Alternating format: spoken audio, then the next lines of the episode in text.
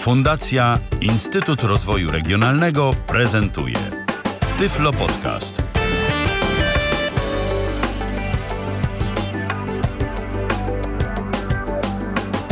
Dobry wieczór. E, w kolejnym odcinku Babiego Lata witam serdecznie. Ala Witek z tej strony. Dziś e, będzie sportowo, będzie rekreacyjnie. E, mianowicie będziemy opowiadać o bardzo przyjaznej osobom niewidomym i niedowidzącym formie rekreacji, jaką jest Nordic Walking. Mam nadzieję, że swoją wiedzą i doświadczeniem podzieli się z, ze mną i z Państwem mój dzisiejszy gość, propagatorka Nordic Walkingu z klubu Razem na Szlaku, pani Małgorzata Śmigielska. Dobry wieczór, witam panią. Dobry wieczór. Bardzo się cieszę, że zechciała Pani przyjąć zaproszenie do Babiego Lata, ponieważ wydaje mi się, że Nordic Walking jest takim wdzięcznym tematem i bardzo wdzięczną dyscypliną, formą rekreacji do uprawiania. A jako, że sama jestem w tej dziedzinie zielona jak wyspy wielkanocne, więc również sama chętnie czegoś się dowiem na ten temat i być może spróbuję z kijami trochę powędrować, jak to się mówi potocznie. W takim razie na początek, jeśli mogę jeszcze przypomnieć Państwu formy możliwości kontaktu z nami, można to robić za pomocą komunikatora Skype przez tyflopodcast.net a także pod stacjonarnym numerem telefonu 123 834 835. Zatem przejdźmy do naszego dzisiejszego tematu. Na początek zapytam Panią, co to takiego ten Nordic Walking, skąd się wziął i jak to jest, że zdobywa coraz większą popularność w naszym kraju? Mówiąc najprościej, jest to szybki marsz z użyciem specjalnych kijków. Został wymyślony przez fińskich biatlonistów gdzieś w latach dwudziestych jako trening letni przed startami zimowymi. Początkowo używano tych kijów narciarskich, ale okazało się, że one są po prostu no, zbyt długie i za mocno przeciążają stawy. Dlatego firmy sportowe za, zaczęły produkować kije, które są obecnie używane, czyli po prostu przede wszystkim są krótsze i troszeczkę inaczej skonstruowane niż kije narciarskie. A, a czemu on jest taki no, dość popularny? Prawdopodobnie dlatego, że jest on łatwy do nauczenia, jest dostępny w zasadzie dla każdego w każdym terenie, w, o każdej porze roku i dla osób w każdym wieku, a to jest też istotne. Oczywiście. Ja y, przyglądając się, że tak powiem, swojej okolicy, mieszkam na skraju lasu wzdłuż y, naszego brzegu, naszego osiedla, taka ścieżka zdrowia y, idzie. Mówimy ścieżka zdrowia na to, ponieważ właśnie i rowerzyści, i spacerowicze, i osoby uprawiające Nordic Walking, właśnie w tym gronie większość stanowią osoby starsze czym, bo właściwie moglibyśmy tak zwyczajnie sobie spacerować, prawda? W czym tkwi przewaga, ta wartość dodana Nordic Walkingu w porównaniu ze zwykłym spacerem? Na pewno jest to spacer bardziej wydajny. Z tego względu tutaj akurat przeglądając notatki, to natrafiłam po prostu na, na takie porównanie gdzie na przykład przy y, Nordic Walking stymuluje się około 90% y, mięśni ciała. Natomiast pływanie daje tylko 65%, jogging 60%, a jazda na rowerze tylko 40%. Czyli ta przewaga no, jest taka no, dosyć duża. I przede wszystkim no, jest to jedna z tych najkorzystniejszych form właśnie takiej rekreacji ruchowej, która nie obciąża, a wręcz przeciwnie odciąża stawy. To znaczy i te stawy kolanowe, jak i stawy łokciowe. Bo używając kijów to automatycznie też no, y, zaangażowane są nogi, ale również ręce. I przede wszystkim jeszcze jedna, jedna sprawa jest, że jest właśnie to zaangażowanie do ruchu mniej więcej około, około 600 mięśni i pozwala spalić w ciągu godziny około 400 kalorii, czego nie jesteśmy w stanie zrobić przy nawet intensywnym y, bieganiu czy pływaniu. No i jest jeszcze takim y, do, dodatkowy aspekt, y, to jest odchudzanie, znaczy pomaga, wspomaga y, odchudzanie i co ważne, koordy, koordynację ruchową. Czyli w przypadku osób, które mają jakieś zaburzenia właśnie równowagi, no czę- często są to osoby starsze, jak najbardziej jest polecany. Je, jeżeli po prostu lekarz nie, nie zabrania ruchu, albo ktoś stroni od ruchu, bo na przykład no, bieganie, no głupio wyglądam, no będę biegać, prawda, w dresiku, a z kijami, no za, zawsze jest ten spacerek. I jest taki, no towarzyski, bo mogę z kimś iść na spacer, podczas tego spaceru mogę porozmawiać, a przy okazji robię coś e, dla siebie, dla, dla własnego poprawienia kondycji. A jeśli już wspomniała Pani o tym, e, jeśli lekarz e, nie zabrania ruchu, czy są jakiekolwiek e, przeciwwskazania do uprawiania tej formy rekreacji? W zasadzie nie.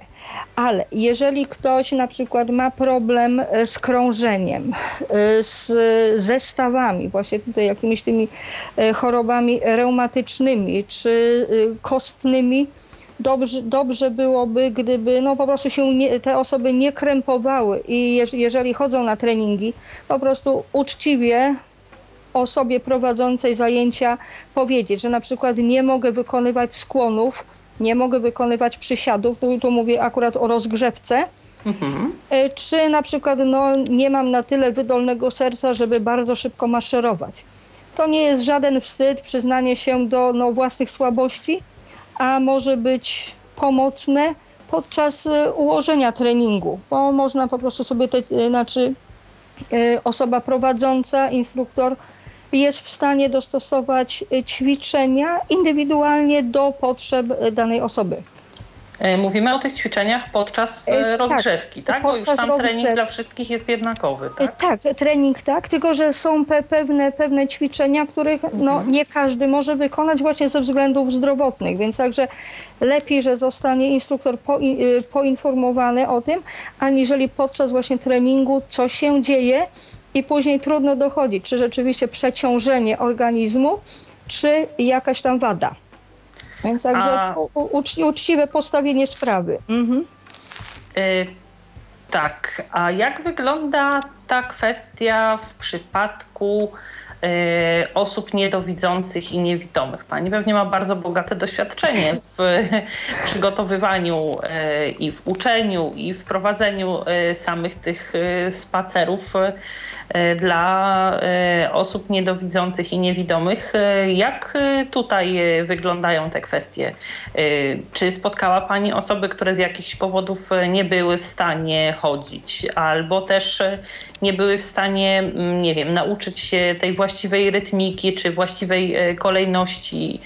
Y, Czy jest tak, że rzeczywiście odpowiednio przygotowana, poinstruowana osoba niedowidząca czy niewidoma nie ma obaw, bez najmniejszego problemu jest w stanie ten trening wykonywać? E, Powiem tak, e, znaczy w przypadku osób niewidomych największym problemem e, jest e, znaczy zmiana laski na dwa kije. To, to jest jedno.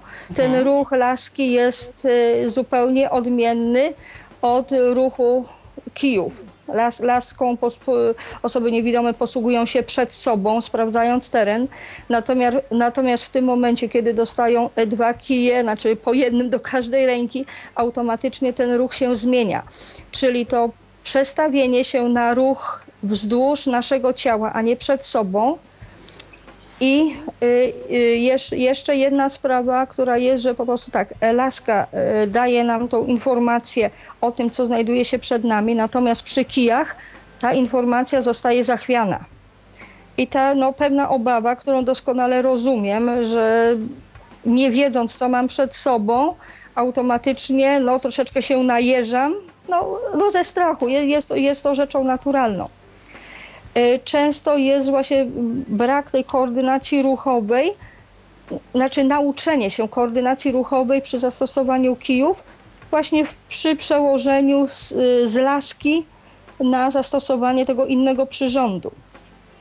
E, ćwiczenia, które na, na przykład e, podczas rozgrzewki, które mogą wykonywać osoby widzące, większość tych ćwiczeń, takich przede wszystkim siłowych, nawet nie prób, znaczy może nawet nie, nie próbuję, ale nie chcę y, y, specjalnie zmuszać osób niewidomych czy niedowidzących do ćwiczeń siłowych, czy nawet takich zabawowo-ruchowych.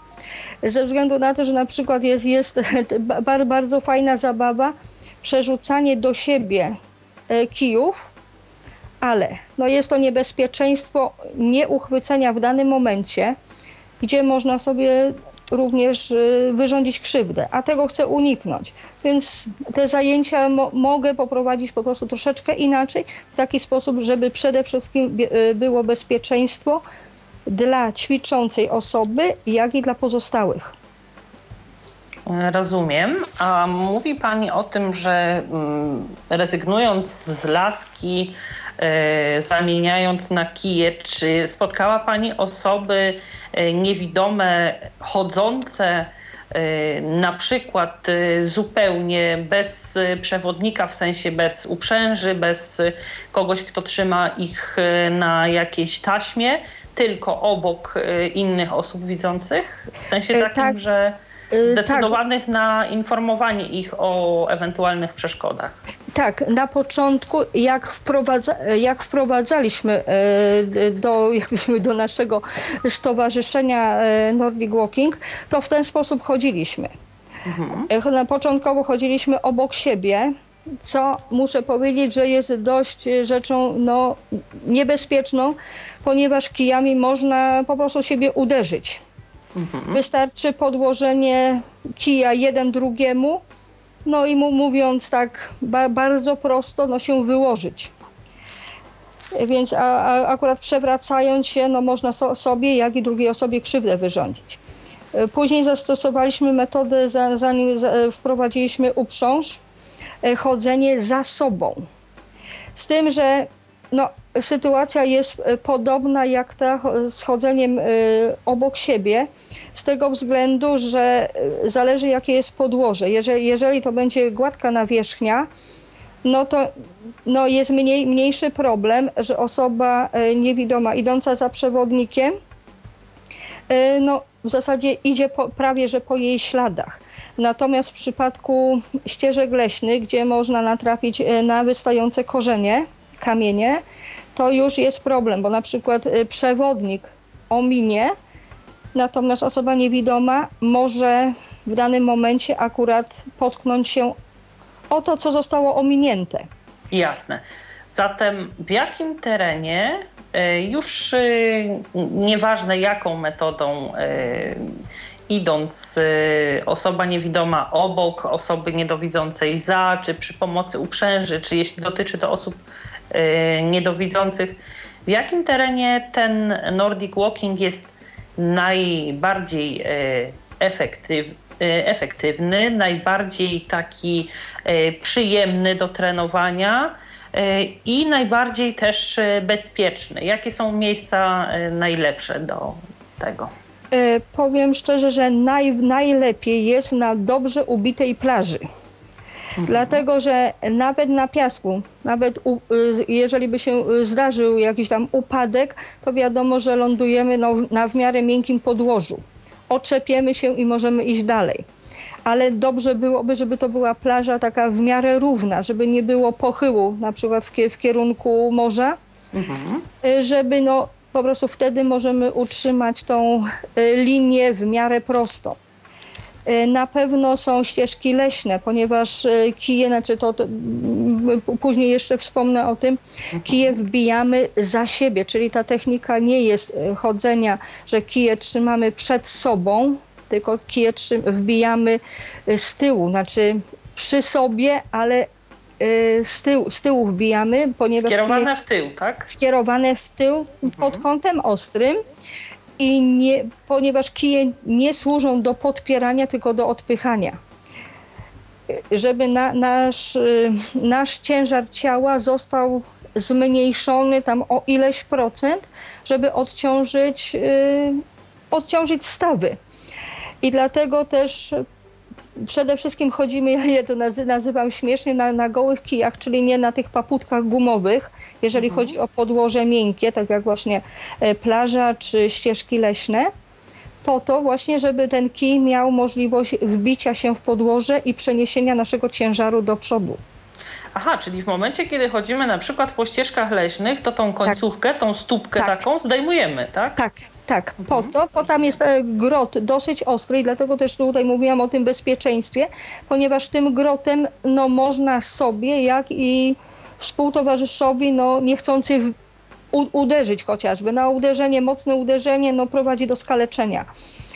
I po prostu, a wbijając y, kije w podłoże, właśnie tak jak, jak, już, jak już mówiłam, że przepychamy, znaczy pomagamy przepchnąć własny ciężar ciała do przodu, odciążając. I to chodzenie właśnie no, powinno być właśnie na miękkim podłożu, jak, jak najbardziej unikać asfaltu po zbruku, bo po prostu wybija się wtedy nie stawy e, skokowe, ale na przykład stawy łokciowe, bo przy mocniejszym uderzeniu kija od podłoża jest odbicie i automatycznie odczuwamy wtedy e, e, na łokciach. I nasze stawy reagują tak, jakbyśmy przez cały spacer coś przybijali, prawda? Tak, Więc coś, coś w tym rodzaju. Właśnie się już e, tutaj akurat e, też wspomnę, jak e, kiedyś byłam na, na, na, na zawodach i część trasy właśnie prowadziła po takim gruncie asfaltowym. To się śmiałam po, po zawodach, że no, nie będą mnie bolały stopy odchodzenia, tylko łokcie. A to y, są prowadzone jakiegoś rodzaju zawody. Y, One są organizowane również dla osób y, niedowidzących i niewidomych. Jak to wygląda? Bo tutaj pozwolę na ma- taką mm, małą dygresję, bo szczerze mówiąc jestem bardzo zaciekawiona, na jakiej zasadzie to się odbywa. Zawody są organizowane takie znaczy o różnej randze, al- albo jakaś tam lokalna, zawody e, tutaj na, na, na, znaczy ty, tyl- tylko e, gdzie, gdzie biorą udział e, drużyny polskie, jak również są te takie międzynarodowe zawody, ale nie było, jak do tej pory, nie, było nie były zorganizowane dla grupy osób niewidomych i niedowidzących. Co jest moim marzeniem, żeby kiedyś to, to właśnie takie, taką imprezę zorganizować. Z tym, że przy, w przypadku osób niewidomych ko, konieczne będą osoby widzące jako przewodnicy właśnie dla, dla niewidomych, żeby brać udział już naprawdę no, takich w miarę profesjonalnych, o ile jakby się udało e, profesjonalne zawody zorganizować. To proszę mi powiedzieć, bo w takich zawodach y, na jakiej zasadzie odbywa się rywalizacja? To jest y, jakaś wyznaczona y, trasa o odpowiedniej odległości i liczy się co? Czas, Czas przejścia, tempo? Aha, tak, rozumiem. Tak, czas przejścia, czyli, czyli najczęściej w tych zawodach, co miałam okazję uczestniczyć, to znaczy uczestniczyłam i, sa, i sama, jak i, i uczestniczyłam jako przewodnik dla osoby niewidomej. Znaczy, był, znaczy my, je- jeżeli, znaczy to też akurat taką dygresję teraz wrzucę, jak jechaliśmy na, na pierwszych, w których braliśmy udział e, zawody w Zielonej Górze. Y, Przewodnik nie był klasyfikowany, natomiast była klasyfikowana osoba niewidoma i właśnie o to chodziło. Znaczy najbardziej to nam zależało na tym, żeby pokazać, że osoba z dysfunkcją wzroku też jest w stanie w, ta, w takiej dyscyplinie, no może nie powiem, że sportu, ale w takiej formie rekreacji uczestniczyć i być, być też tak samo pełnoprawno, pełnoprawnym uczestnikiem y, da, danych zawodów. Było ba- bardzo fajne przyjęcie właśnie w Zielonej Górze, gdzie nie zależało nam na zajęciu miejsca, tylko na rozpropagowaniu właśnie takiej formy rekreacji dla osób y, z dysfunkcją wzroku. A jak długie są te trasy w trakcie zawodów? Tak zapytam z ciekawości. Tamta, o której pani mówi na przykład. Ta, Pamięta pani? Wtedy braliśmy udział na 4 km, to znaczy były do wyboru 4 i 8. Mhm. Wybraliśmy tą krótszą, ale tak mniej więcej są 5 km, 5, 10, 15, na, nawet do 20 km. No ale to już nam naprawdę jest. Wyczynowa trasa. Tak, to już jest bardzo wyczynowa, nawet bym powiedziała, że 10-kilometrowa zależy od podłoża i od otoczenia, zależy jakie, jakie są ścieżki. E, też no, ten wysiłek jest, bo mimo woli, jeżeli ktoś mnie wyprzedza, czy ktoś idzie przede mną, e, no, rywalizacja bez względu na to, czy chcę stanąć na tak zwanym pudle, czy nie, je, jednak jest I, I, adrenalina w tym momencie rośnie, no ale trzeba pamiętać o tym, o własnej kondycji, o własnych możliwościach. Oczywiście. A mm, jeśli już y, pytam y, o ten teren, w którym chodzimy, czy jest tak, że y, dla lepszej pracy określonej grupy mięśni jeden teren jest lepszy, a inny jest lepszy, jeśli chcemy popracować nad jakąś inną grupą? W ogóle jakie grupy mięśni podczas tych spacerów pracują? Czy to muszą być spacery bardzo forsowne, żeby te mięśnie rozruszać?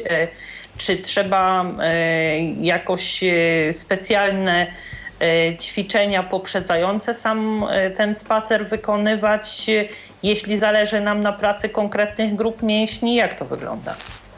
Przede wszystkim przed każdym wysiłkiem, obojętnie tym mniejszym lub tym, tym takim no, intensywniejszym, należałoby wykonać rozgrzewkę. I ta rozgrzewka to jest tak, jak to się mówi, od stóp, od stóp do rąk, bo już nie powiem, że do głów, no, ale, ale w, pra, prawie, że na pewno jest rozgrzanie mięśni przed tym wysiłkiem.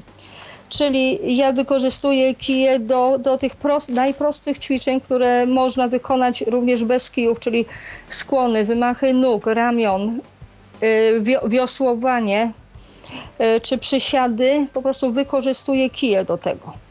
Jest to przede wszystkim bezpieczniejsze w przypadku osób starszych, gdzie na przykład będąc na plaży jest możliwość wbicia kijów w podłoże i wykonania przysiadów czy wymachów nóg po to, żeby utrzymać z jednej strony równowagę, a przy okazji się rozruszać. Te wszystkie ćwiczenia, które można wykonać bez przyrządów, ja używając tego, co mam pod ręką, czyli, czyli dwa kije, które wbijamy na przykład na, na miękkim podłożu przed siebie, na wyciągnięte e, na długość ramion i przysiady, czy właśnie wymachy nóg można zrobić, a jest to wspomaganiem zwłaszcza dla osób starszych, czy tych, które mają problem z koordynacją ruchową. Mhm. W tym momencie y, wymachując nogami, y, mniej więcej funkcjonuje to tak, jakbyśmy y, robili to ćwiczenie przy pomocy kul, prawda? Tak, tak. Albo przy pomocy kul, czy na, na przykład mając wyciągnięte ramiona w przód, utrzymując się na przykład przy drabinkach. Mhm, jasne.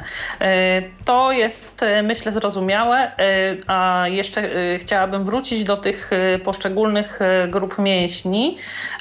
Które z nich w trakcie tych ćwiczeń już zasadniczego spaceru najbardziej się uaktywniają? Czy potrzebny jest jakiś bardzo forsowny marsz, żeby, żeby te y, partie poszczególnych mięśni y, zaczęły właściwie pracować, czy rzecz y, tkwi bardziej w systematyczności i w dłuższych dystansach? E, przede wszystkim na początek nie doradzam długich ćwiczeń po to, żeby, żeby nie zniechęcać. Mhm. Bo przy intensywnym w ogóle, znaczy przy intensywnych treningach na pewno będą bolały mięśnie ale to będą bolały w tym sensie takim pozytywnym, że jeżeli bolą, to znaczy, że to ćwiczenie było robione poprawnie i to, co chcieliśmy osiągnąć, to osiągnęliśmy. Czyli ten ból to jest tym efektem. Ale no mówię, jeżeli ktoś się zniechęci po, po właśnie po takich ćwiczeniach, ojej, bo wróciłem i mnie wszystko boli, więc na, najlepiej po prostu przede wszystkim uprzedzić y, osoby, które chcą trenować, że będzie taka sytuacja.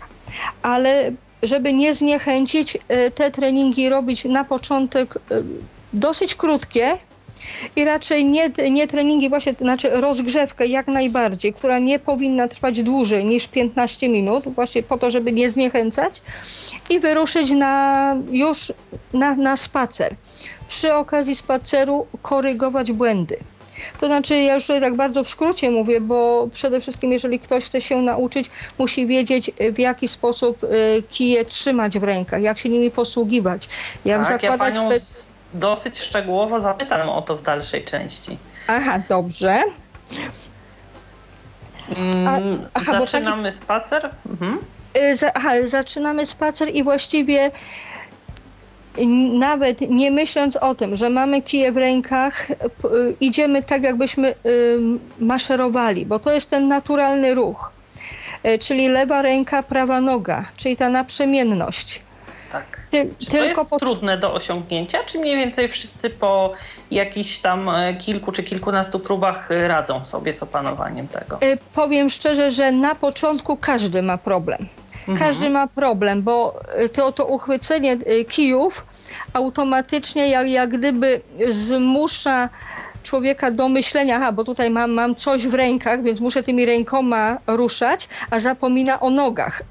I wtedy często jest taka sytuacja, że mamy tak, e, e, prawy, prawy kij y, Prawa noga, lewy i, tak, i idziemy w, tak, jak, tak, tak jak wielbłąd.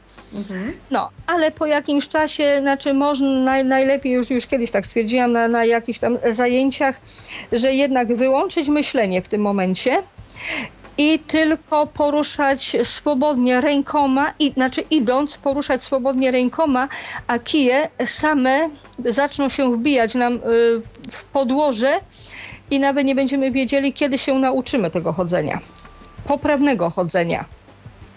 A dopiero wtedy można tą technikę y, bardziej, jak już zrobić intensywną, żeby, ten kij był mocno wbity w ziemię, żeby można było zluźnić y, zacisk dłoni na kiju, jeżeli kij jest z tyłu.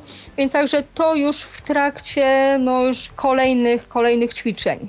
Czyli na początek stawiamy na rytmiczne chodzenie, później e, dołączamy do tego w miarę możliwości e, to właściwe operowanie kijami, czyli próbujemy skoordynować ten ruch naprzemienny, a dopiero w dalszej kolejności skupiamy się na doskonaleniu już e, tej techniki, tak? Opieraniu kija i tak dalej. Y, Tak, bo mo, można, można od, od razu to, to zrobić, że na przykład tak, no, prawa ręka, e, lewa noga, ale wtedy właśnie bę- będą takie sytuacje, że w którymś momencie bę- będzie lewy, lewy kij i lewa noga.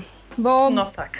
tak, a tak to jest takie, mówię, no, ten naturalny y, marsz spowoduje y, samoistne wejście w rytm.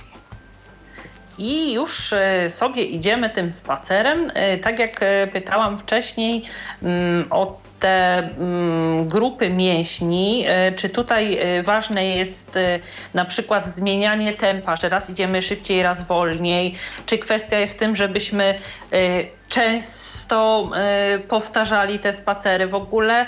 E, Jeszcze zapytam Panią, jaka jest właściwa częstotliwość e, wykonywania tych treningów? Czy to jest codziennie, czy to jest kilka razy w tygodniu? Jaka jest ta optymalna ilość i czy to zależy od pokonywanej trasy? mm, którą wykonujemy, znaczy pokonujemy mm, każdorazowo w trakcie tego, tego spaceru.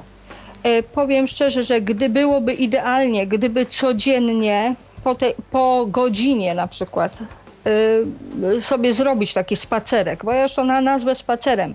Tak. Spacerek, czy ewentualnie już taki intensywniejszy trening po, po iluś tam razach, jak już, jak już we, wejdziemy w rytm.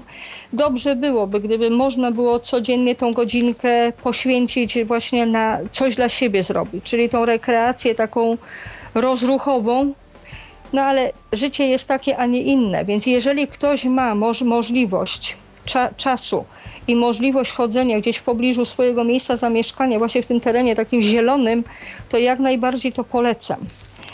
Ale jeżeli nie ma tej możliwości, a bę- będzie to raz na tydzień, czy nawet no, no już gorzej to wygląda, jeżeli raz, raz w miesiącu się mo można spotkać. Ale lepsze to niż nic. Le lepsze bym powiedziała, zawsze każdy ruch jest lepszy od, od siedzenia bo niestety nasz kręgosłup nie jest przystosowany do tego, żeby mieć tą pozycję siedzącą, tylko raczej jest, ruch jest jak najbardziej wskazany. I odejdźmy od biurek, od tej pracy siedzącej, od komputerów odejdźmy, bo na, naprawdę zróbmy coś po prostu dla własnych kręgosłupów.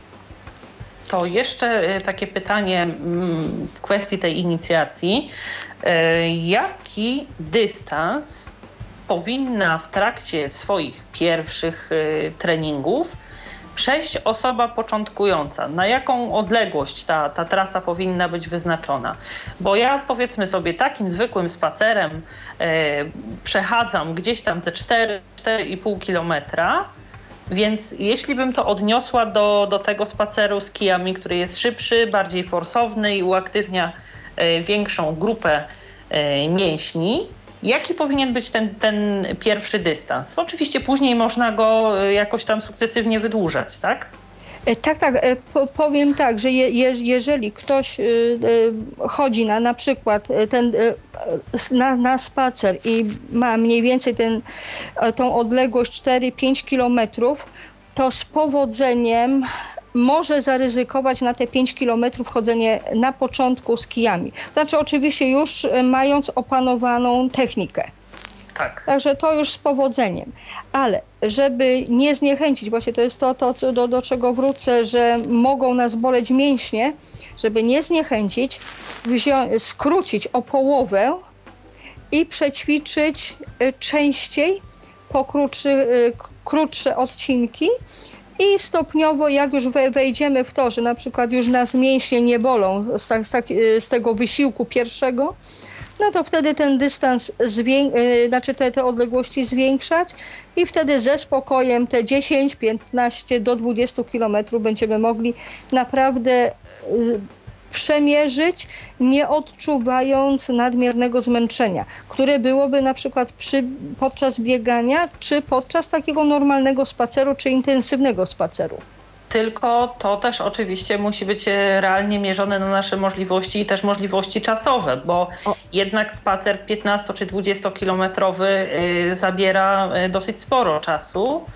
Więc tutaj znowu spytam, że tak powiem, z drugiego końca tematu, jaki jest ten minimalny dystans, jaki powinniśmy pokonywać każdorazowo, żeby już jakiś efekt tego był, żeby to nie było tak, że zanim na dobre zaczniemy iść, zanim na dobre rozgrzejemy wszystkie te partie mięśni, które w trakcie treningu powinny pracować, to już wracamy do domu.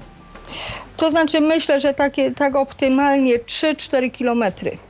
Tak, te, te 3 kilometry bym powiedziała, że byłoby takim no tą, tą średnią e, tych takich e, spacerów, no załóżmy, że codziennych czy tygodniowych na, na początek, a później stopniowo o te pół kilometra czy nawet o kilometr zwiększać ale intensywność, znaczy tempo, tempo też dostosować no, do swoich możliwości. Je, jeżeli mamy wydolny organizm, to wiadomo, że możemy sobie pozwolić na szybsze chodzenie i te 3 kilometry naprawdę nie, nie będzie dużo. Natomiast ktoś, kto ma problem właśnie jakiś krążeniowy, czy z, ze względu na, na stawy, to jednak to zmniejszyć do tego półtora do dwóch kilometrów. Ważne, żeby no, ten organizm pobudzić, y, znaczy da, y, zachęcić do wyjścia do tego takiego no, troszeczkę intensywniejszego spacerowania. Zwłaszcza, że y, kondycji również nabieramy z czasem, więc osoby zupełnie początkujące y, z całą pewnością też powinny y, zwrócić uwagę na to, żeby ten dystans, długość tego odcinka do przejścia była dopasowana do ich aktualnej kondycji, prawda? Tak, oczywiście. Jeżeli ktoś jest słaby kondycyjnie, to nawet niech sobie no, założy no, pół kilometra nawet jako w dwie strony, czyli 250, 250 metrów i, 250, i z powrotem. Tak. I jeżeli jeszcze czuje się na sile, spróbować jeszcze raz ten dystans, albo ewentualnie no, w drugą stronę, żeby doszło do mniej więcej do tego kilometra. Ale jeżeli nie jesteśmy w stanie, że nawet te pół kilometra jest dla nas za, za duży wysiłek, to lepiej sobie to odpuścić, mniejsze odcinki zrobić, a, a systematycznie. Będzie większy efekt niż y, no, na siłę robienie coś i później padamy. Czyli jednak jak y, we wszystkich innych y, formach rekreacji, czy dyscyplinach sportu, czy w większości rzeczy, które y, robimy i chcemy, aby przynosiły jak najbardziej optymalne efekty, gwarantem jest systematyczność. Tak, tak? Po, pomalutku, a do przodu. No tak. E, zatem zanim przejdziemy do kwestii związanych e, z wyposażeniem, e, może ja przypomnę Państwu, że mm, można zadawać pytania dziś pani Małgorzacie Śpigielskiej odnośnie Nordic Walkingu, a można to robić na dwa sposoby, poprzez komunikator Skype na tyflopodcast.net, a także pod stacjonarnym numerem telefonu 123 834 835, do czego oczywiście bardzo serdecznie Państwa zachęcam. To, jak już mówiłam, teraz y, chciałabym porozmawiać z Panią chwilę o kwestiach y, wyposażenia. Oczywiście istotą spaceru y, są kije.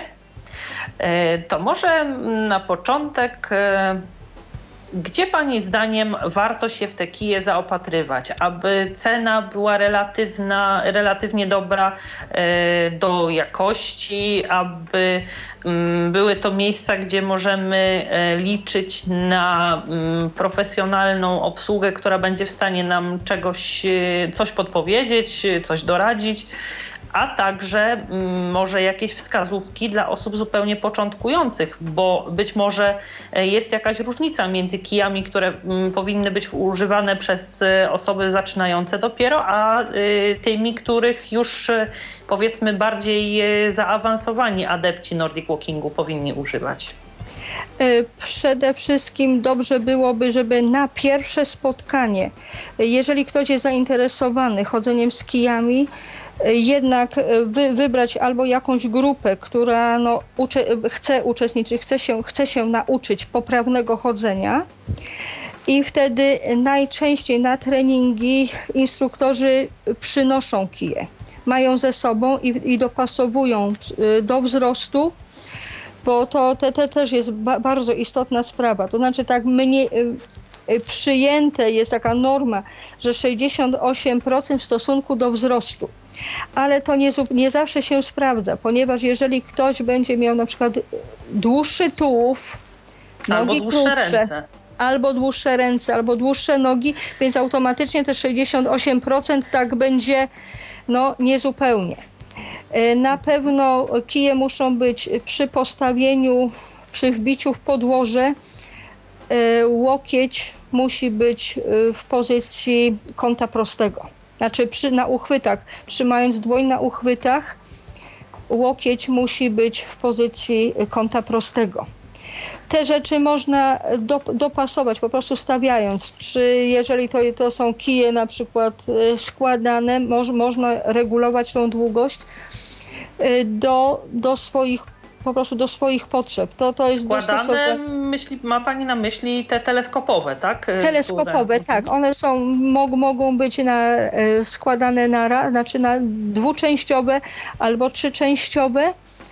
E, najlepszymi kijami są kije nieskładane, z tego względu, że one przekazanie informacji od podłoża do ręki jest najlepsze, ponieważ na tych wszystkich załamaniach automatycznie no, gdzieś się gubi ale wtedy już trzeba naprawdę dostosować do y, swojego wzrostu i przede wszystkim y, czemu mają te kije służyć, no znaczy, że czemu, czyli Nordic Walkingowi, chodzeniu, ale czy na przykład tylko będziemy tych kijów używać na miejscu zamieszkania, czy na przykład będziemy wyjeżdżać. No jeżeli na podróż, to na, pe na pewno o wiele wygodniejsze są składane, ponieważ często są możli możliwe długości po złożeniu, że się mieszczą walizkę, walizkę czy przy plecaku, więc także no, trzeba też ta, ta, ta, te rzeczy rozważyć.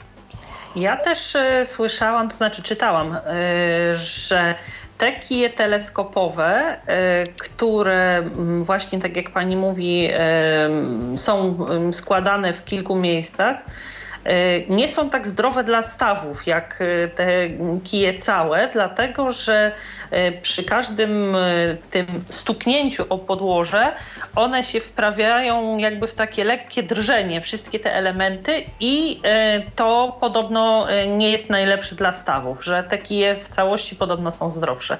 Potwierdza Pani taką hipotezę, czy nie? To, to znaczy, trudno mi powiedzieć, bo akurat używam jednych, jak i drugich, więc w zasadzie no, przy tych składanych, nie, nie, powiem szczerze, nie zwróciłam na to uwagę, ale na pewno, bo biorą, biorąc ze, ze strony innej, czyli coś, co jest składane automatycznie, jedna część przekazuje informacje do drugiej części, prawda? Więc także to, te, te, te wibracje, które przechodzą y, na, na długości kijów, y, na, na długości tych odcinków, no, na, na pewno również oddziaływują na stawy łokciowe to, to, to na pewno mo, może być to także tutaj na, na, bym się z, z tym naprawdę z, zgodziła.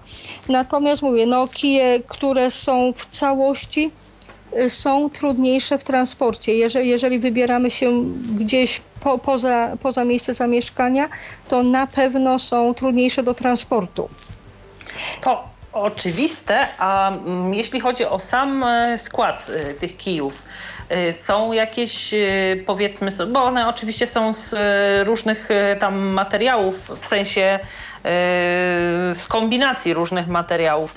Czy są e, takie, które są e, na przykład e, lepsze do spacerowania, jakieś wykonane z konkretnego materiału, a z innego sprawdzają się troszeczkę gorzej? Jak to wygląda w, w Pani doświadczeniu?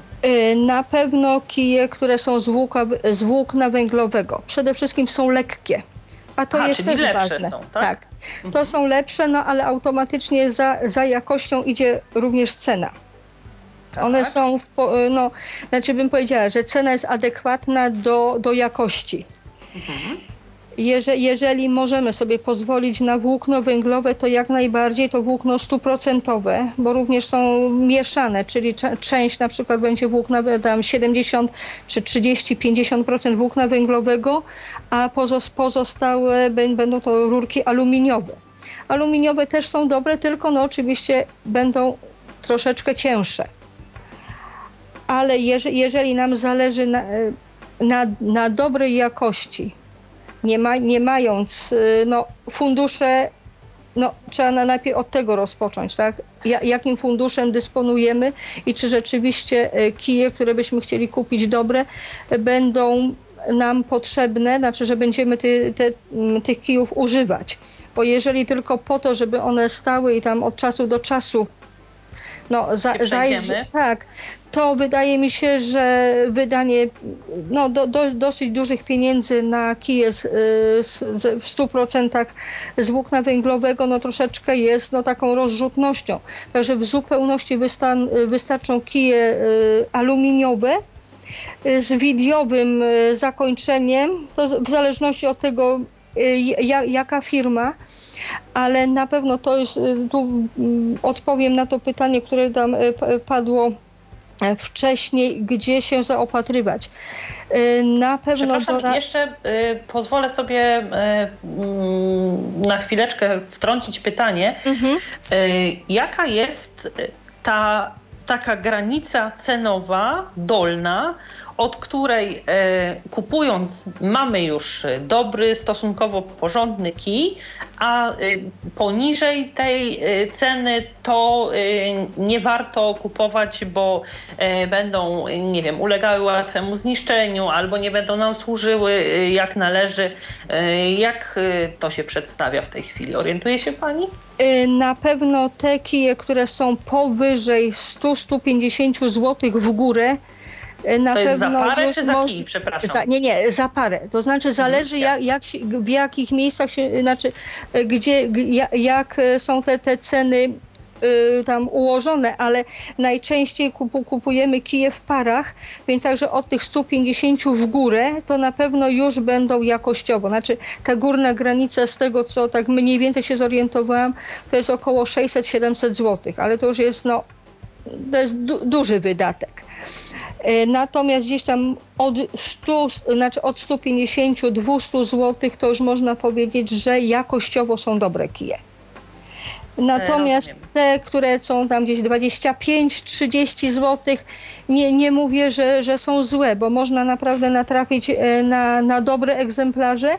Ale, można trzeba się na tym znać. tak, tak, ale można natrafić, no, no jaka cena, taka jakość, nie? Także, ale Tak. to, to zresztą to jest ze, ze wszystkim, bo mogę na, na przykład dużo pieniędzy wydać i też, no, nie będzie mi służyło.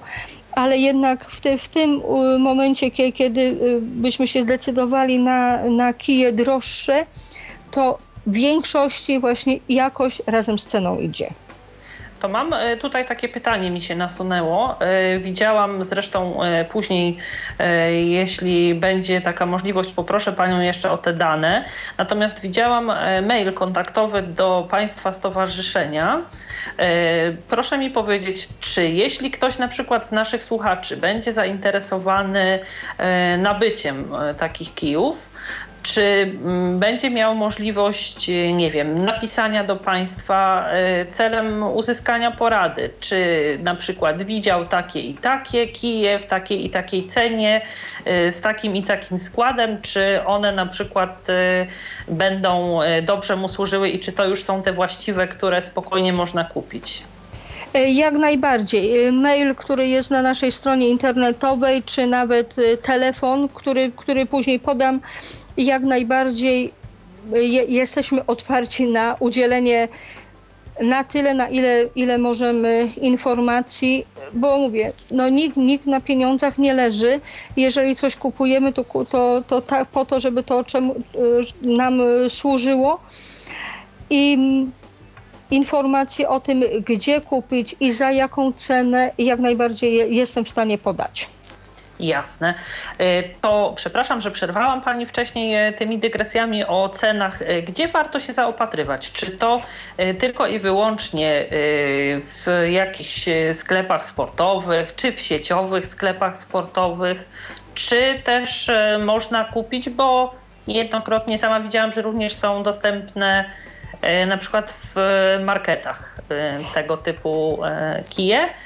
Y, Gdzie Pani zdaniem e, najlepiej to robić i jak, y, czy ma Pani jakieś doświadczenie w kwestii tego, na ile personel na przykład e, w tych dużych sklepach sportowych jest w stanie służyć radą klientowi odnośnie kupna? E, Powiem tak, e, e, naj, najlepiej byłoby się zaopatrzyć w sprzęt w wyspecjalizowanych sklepach. Jest, jest, znaczy nie wiem jak to wygląda no, w całej Polsce, ale na, na pewno w Poznaniu jest kilka sklepów, które się specjalizują w sprzęcie właśnie do Nordic Walking i osoby tam pracujące na pewno y, są w stanie dobrać odpowiedni sprzęt do, do potrzeb danej osoby. Y, Co do sklepów sportowych, które oferują różnego rodzaju, to jeżeli, jest y, personel dobrze przeszkolony, który sprzęt do czego służy, to na pewno tak, taką poradę też będzie można uzyskać. Jeżeli chodzi o te supermarkety, najczęściej jest sytuacja taka, bo się też spotkałam, że, Że kije ki- są w promocji. no, kije są w promocji, to jest jedno. Choć nie powiem, bo mogą być jakościowo też dobre, ale Tak, tak. często jest y, napis na przykład, y, znaczy wisz, są zawieszone kije trekkingowe, które się różnią od kijów do Nordic Walking. Ponieważ kije, do, no, jak już te, teraz akurat, ja, ja troszeczkę dygresję też wrzucę, ponieważ kije do Nordic Walking mają specjalną rękawiczkę, którą zapina się na nadgarstku. Natomiast kije trekkingowe mają taki pasek, pasek tylko. I, i, po, i mają y, taki y, antyszok, czyli taką sprężynę w środku, po to, że jeżeli na przykład i w, idziemy w górach, przy wbiciu mocno, mocno wbi, wbijamy w podłoże, amortyzuje nam to mocne uderzenie od podłoża. To już są takie te techniczne rzeczy i na to też też Ale one należy- są bardzo istotne. Ja przyznam się szczerze, że w takim razie wszystkie kije czyjeś, które miałam do tej pory w rękach, to to nie były kije do Nordic Walkingu, tylko najprawdopodobniej trekkingowe, bo te z, z tymi właśnie widziałam, z tymi opaseczkami, takimi tylko na nadgarstek, jak y, nie wiem, mm, troszeczkę podobna jak w narciarskich kijkach Tak. dla dzieci, taka cienka, tak? E, Tak, tak, tak, tak. To właśnie, właśnie te, te paski, te obręcze, które, które są, e, znaczy je, jeżeli kije mają tylko te, te wąskie paski i mają do tego ten antyszok, czyli tą sprężynę, jak się naciśnie kij o podłoże, to będzie sprężynować, to są kije trekkingowe. I te trekkingowe na, nadają się do chodzenia, owszem, ale najczęściej w górach, żeby amortyzować uderzenie od podłoża. Natomiast nie nadają, znaczy nadają, no mo, można je wykorzystać do, do treningów Nordic Walking, ale wielu, wielu prawidłowych ruchów się tymi kijami nie wykona, ponieważ wychylając rękę do tyłu z kijem, chcąc, y, otw- y, chcąc otworzyć dłoń, że, żeby ją dokrwić, kij przy, y, przy użyciu kija do, do Nordic Walking zostanie on zawieszony na naszym nadgarstku i kij nam z ręki nie wyleci. Natomiast przy trekkingach nie ma siły, żeby ten kij nam nie wyleciał. Prosiłabym Panią jeszcze o opisanie tej rękawiczki, jak ona wygląda. To jest taka normalna rękawiczka z palcami, czy coś w E, rodzaju takiego sztywnika na nadgarstki, jaki się nosi? E, takie właśnie takie usztywnienie na, na nadgarstek i miejsce na kciuk. Na kciuk w zależności od y, y, kształtu rękawiczki, bo są różnego rodzaju. Y, są, są takie rękawiczki, które mają już taki specjalny otwór na kciuk i wtedy rzep, który, który jest na tej rękawiczce przypinamy. To znaczy nie możemy dociskać tak, żeby było bardzo, bardzo mocno ten nadgarstek usztywniony, bo będziemy hamo, hamowa, hamować ruchy. E, Natomiast e, przy założeniu takiej rękawiczki, jeż- jeżeli kij mm, opuścimy w pionie do podłoża, to on będzie na tej rękawiczce wisieć. Nie musimy tego kija w tym momencie trzymać. Natomiast jeżeli byśmy, i, czy wychylając y, rękę do tyłu i otwierając dłoń, to ten kij zostanie zawieszony na naszym nadgarstku. Natomiast przy kijach e, trekkingowych, czyli tam, gdzie jest tylko ten pasek, to automatycznie właśnie wychylając rękę do tyłu, rękę mamy wychyloną, a kij leży na, na ziemi. Rozumiem. Teraz e, jeszcze chciałam zapytać e, o taką kwestię. Kije e, już mamy, wiemy jakie mm, powinny być ich wymiary, jaka powinna być ich budowa. To jakby mogła Pani jeszcze jakby detal po detalu opowiedzieć, z czego ten kij od góry do dołu się składa i w kwestii e, tej końcówki, mm, do jakiego podłoża jaka e, powinna być przez nas dopasowywana.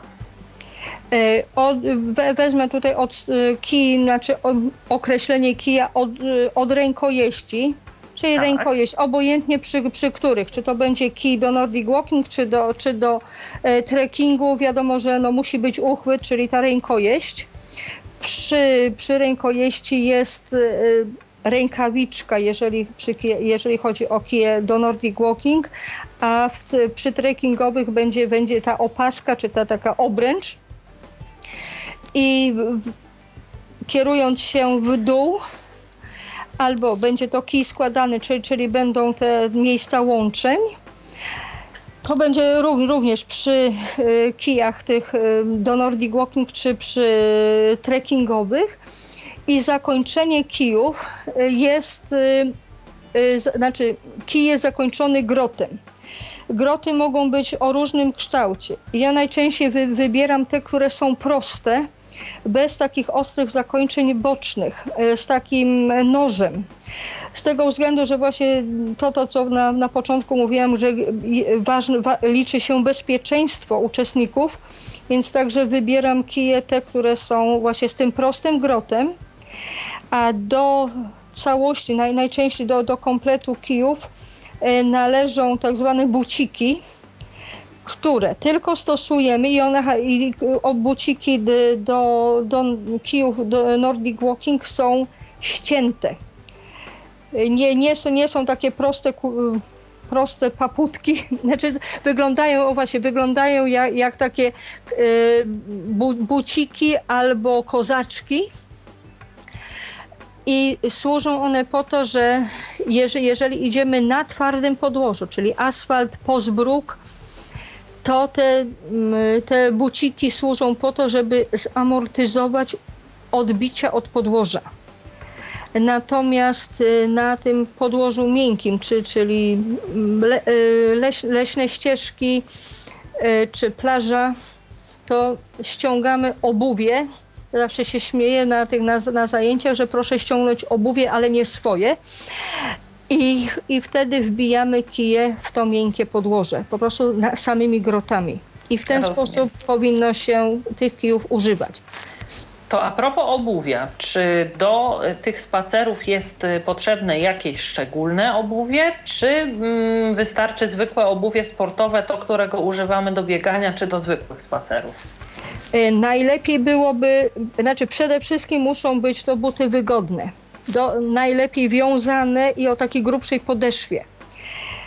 Dobrze byłoby, żeby to było obuwie trekkingowe, które jest, znaczy w sklep- w sklepach, znaczy w sklepach sportowych najczęściej są wydzielone, że któreś tam buty są na przykład do gry w piłkę nożną, a drugie będą właśnie do, do biegania, do trekkingu.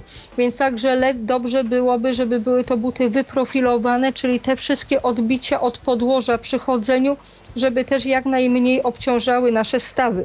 I one też mają taką e, jakby bardziej sztywną podeszwę troszeczkę, Tak, prawda? tak. To znaczy z ja jednej strony mam- Mhm. z jednej strony elastyczna, a z drugiej strony utrzymująca naszą stopę no, w odpowiedniej pozycji. No wiadomo, że szpileczki raczej są niewskazane. To oczywiste. Y, Natomiast y, pytałam o takie buty e, też, nie wiem, jakieś adidasko podobne czy coś takiego. Od biedy też pewnie można. Mogą, mogą być. Jeż, jeżeli to będzie taki no, spacerek nie, nie bardzo intensywny, tylko no, no taki no, chce się przejść, to na, na pewno wystarczą, wystarczą adidasy. Także tutaj no, nie, nie ma ja, jakichś tam kon, konkretnych zastosowań, ale no, przede wszystkim, żeby one były wygodne. Bo, bo to, to, jest, to jest podstawa i to y, za- zawsze mówię, że mogę mieć nie, niewy, niewygodny ubiór na, na sobie. No, załóżmy, będę miała coś, coś ciaśniejszego czy coś luźniejszego, ale jeżeli mam niewygodne buty, no to niestety, no bo ca, cały ciężar. długi Tak, dystans pokonać. tak, tak. A co w zimie? E, Kiedy jest e, nierzadko ślisko, jest śnieg albo e, jakiś taki e, mokry, e, leżący śnieg jeszcze, który łatwo e, te buty przemoczy lub do takich zwykłych trekkingowych najzwyczajniej w świecie górą się wsypie na E, leśnych ścieżkach. Y, Powiem tak, że idealną sprawą właśnie jest chodzenie po śniegu. To znaczy najlepiej, jak będzie on ubity, no niekoniecznie taki już wyśliskany. Na szczęście ale- niedługo ma być. E, tak, tak. ale, ale w każdym razie bardzo dobrze się chodzi po śniegu. Ale wtedy też nie, jeżeli chodzi o kije, to też nie chodzimy w tych paputkach, tylko też na tych y, gołych grotach po to, że mamy też wbicie w Się podłoże. śliska, tak? Tak, E, Ten Tak, no na lodzie to, to wiadomo, że jest trudno się utrzymać, także jeżeli jest coś oblodzonego, no to jeżeli możemy uniknąć, to, to obejdźmy, a jeżeli już nam akurat tak przyjdzie, to po prostu musimy mocno te kije wbić, żeby można było no, tą równowagę utrzymać. A co, co do obuwia tego takiego nas, naszego prywatnego na nogach, no to też albo, albo trapery, które mają to podłoże, no też też gru, grubszą podeszwę, no i, i te protektory, które są pod spodem, no i wygodne, tak? No naj, najlepiej byłyby nad kostkę, żeby ten śnieg nam się nie wsypywał, ewentualnie te ochraniacze na, na nogawki od spodni i buty, że, żebyśmy no, nie, nie mieli mokrych skarpet i mokrych butów, tak?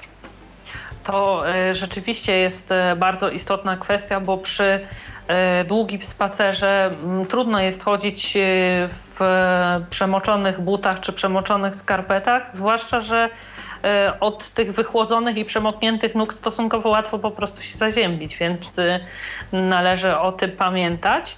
E, to jak już wiemy o kijach, wiemy o obuwiu, to zapytam teraz o ubranka, bo ja tutaj z nieskrywanym zaciekawieniem przyglądam się tym moim rodzimym Nordic Walkerom i widzę, że tutaj preferowane są różne style, natomiast jest też dobór tej garderoby pod kątem pogody, pory roku. W porach jesiennych widzę jakieś takie bardziej cieńsze, ortaliono podobne kombinezony czy komplety. W lecie oczywiście jakieś lżejsze dresy. Czy jest taka jakaś odzież preferowana do E, uprawiania Nordic Walkingu, czy to tutaj e, po prostu e, bardziej opiera się na inwencji samych spacerowiczów? Na, na pewno wygodny ubiór, tak samo jak obuwie. Z tego względu, że, że ruchy są dosyć intensywne przy chodzeniu, więc musi być ta swoboda, swoboda ruchów. Dobrze byłoby mieć tą odzież taką oddychającą.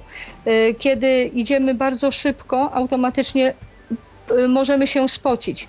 A jeżeli się spocimy, na moment się zatrzymamy, mogą być efekty różne. Jeżeli będzie troszeczkę wiatru, trochę chłodniej, chodzi o to, żeby się nie przeziębić.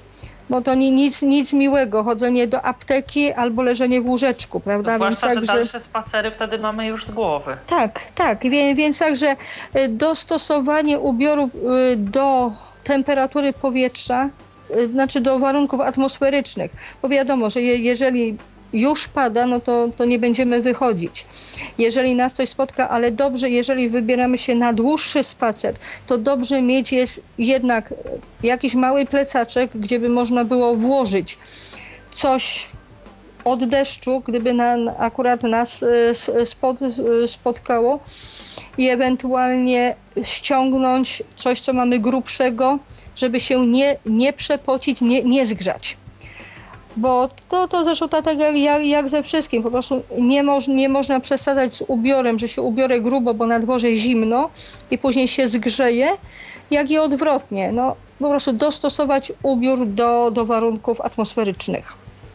Myślę, że bardzo ważnym elementem e, takiego stroju, abyśmy mogli czuć się bezpiecznie, e, są dodatkowe elementy odblaskowe, prawda? Które nawet jeśli my e, nie do końca jakoś tam wzrokiem dobrze radzimy sobie na dalekie odległości, to jesteśmy dobrze widoczni, dlatego że bardzo często z tych samych ścieżek, z których korzystają spacerowicze w trakcie Nordic Walkingu, e, korzystają również e, rowerzyści, korzystają biegacze i e, warto jest też zabezpieczyć się w ten sposób przed ewentualnym wypadkiem, zwłaszcza jeśli mamy mm, możliwość, czy też tylko wtedy mm, dysponujemy wolnym czasem i y, uprawiamy mm, spacery po zapadnięciu zmroku.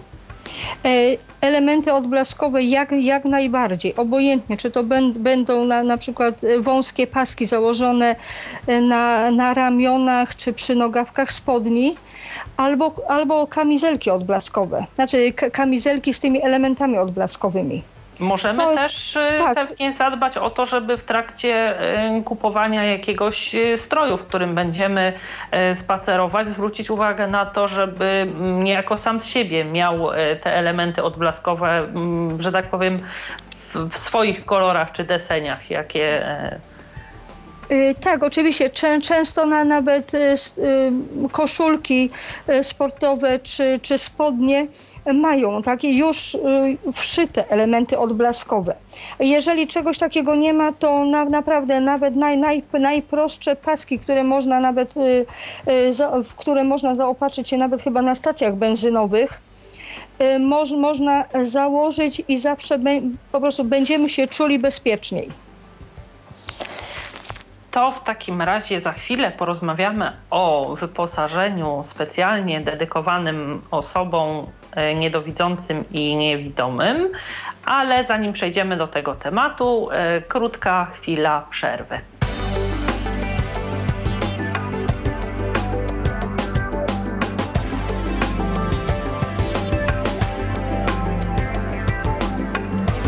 Po przerwie wracamy do rozmowy o Nordic Walkingu. W trakcie przerwy pojawiło się pytanie od naszej słuchaczki Hikory. Dziękujemy bardzo za zadanie pytania. W pytaniu słuchaczka prosi panią o opowiedzenie mm, o tym, jak wygląda praca, jak wygląda trening w tandemach. Czego um, używają Państwo, jak Państwo trenują uczestników poszczególnej pary do tego, aby ten spacer był efektywny i bezpieczny. E, tutaj e, pytanie dotyczy e, tych specjalistycznej uprzęży dla niewidomych, ponieważ te, te uprzęże, które zostały wymyślone przez nasz, naszego prezesa klubu, rzeczywiście, że zdają egzamin, jeżeli chodzi o tandemy właśnie niewidomy i przewodnik i tylko, tylko są używane właśnie dla osób niewidomych.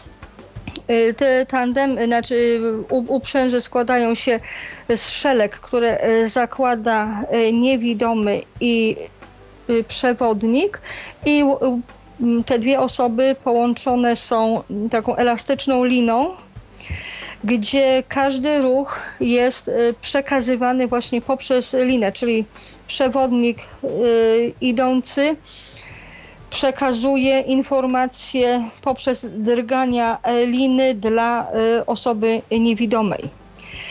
E, Przepraszam, Jeżeli... bo tutaj tak. E, w trakcie tego poprzez drganie liny drganie tej liny przenosi się na szelki, które ma na sobie osoba niewidoma, jak rozumiem, bo ręką nie, nie jest w stanie kontrolować nie, żaden Nie, nie, to znaczy szelki tylko służą do, do, przy, do, do przytrzymania tej liny, ponieważ są zakładane tak, tak jakbyśmy zakładali plecak tak. i do, do tych właśnie szelek przymocowana jest, zakładana jest właśnie ta elastyczna lina.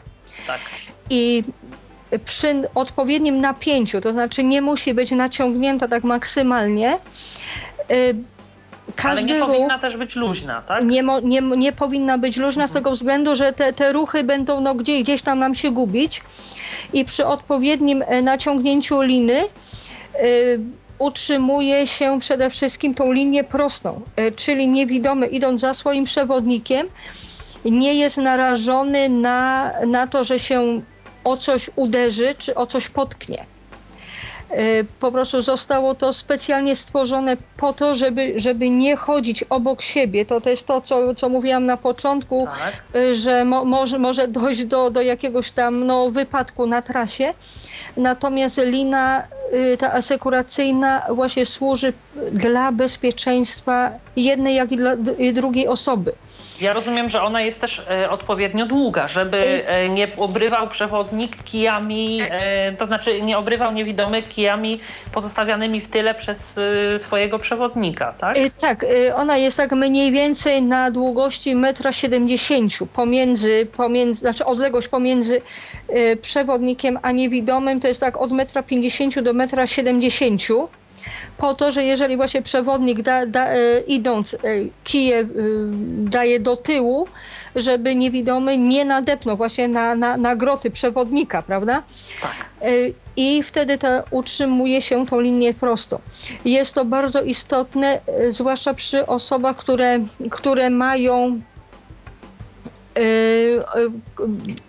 problem z koordynacją ruchową i wtedy przy naciągnięciu liny automatycznie niewidomy no, koryguje y, ustawienie i jest nie, znaczy mniej, inaczej powiem, mniej narażony na to, że gdzieś zboczy po drodze. To znaczy z tym zboczeniem to mówię, to, że jeżeli na przykład idziemy ścieżką leśną, po, po bokach są drzewa, żeby się nie uderzyć o te drzewa.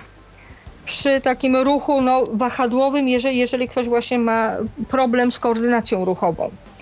A te, tą uprząż to myśmy te, testowali najpierw tutaj w, w Poznaniu, później na, na wyjazdach nad morzem, czy, czyli te, też da, dalej na, na tej takiej równej przestrzeni, ale co najważniejsze była testowana w górach. Na, najpierw w Beskidach, a ostatnio była testowana w Tatrach, także no i zdała egzamin. No, Czy taką e, uprząż e, praktycznie każdy może kupić i założyć? Czy to jest kwestia wykonania jej na konkretne zamówienie? Czy ona jest na przykład wszystkie te jej elementy są regulowane, czy musimy podać producentowi swoje wymiary i wtedy on na nas specjalnie taką uprząż przygotuje? Nie, u, uprząż, y, nie, znaczy uprząż ma, y, znaczy nie, nie musi być dostosowywana indywidualnie. Regulacja jest y, na, na plecach, znaczy długość szelek jest regulowana i długość właśnie tamtego tego skrzyżo, skrzyżowania pasków jest regulowana, więc także tutaj akurat nie, nie ma takiego problemu. Długość liny też tak samo jest, no to taka prawie że standardowa, mówię tam od, met, od metra 50 do metra 70, a to już, to już naprawdę te 20 centymetrów y, nie ma, nie ma jakiegokolwiek znaczenia. Więc tutaj nie, nie musi być brana miara dla, dla tego tandemu, tylko są standardowo właśnie już y, uszyko, uszykowane te, te, te uprzęże i są one, znaczy oryginalne, te, te uprzęże są y, dostępne po prostu u twórcy tego wynalazku y, tutaj w Poznaniu, także później, jeżeli ktoś będzie zainteresowany, znaczy y, podam numer telefonu, jak, mo jak można się po prostu skontaktować. Ja jeszcze w kwestii samej pracy tego tandemu.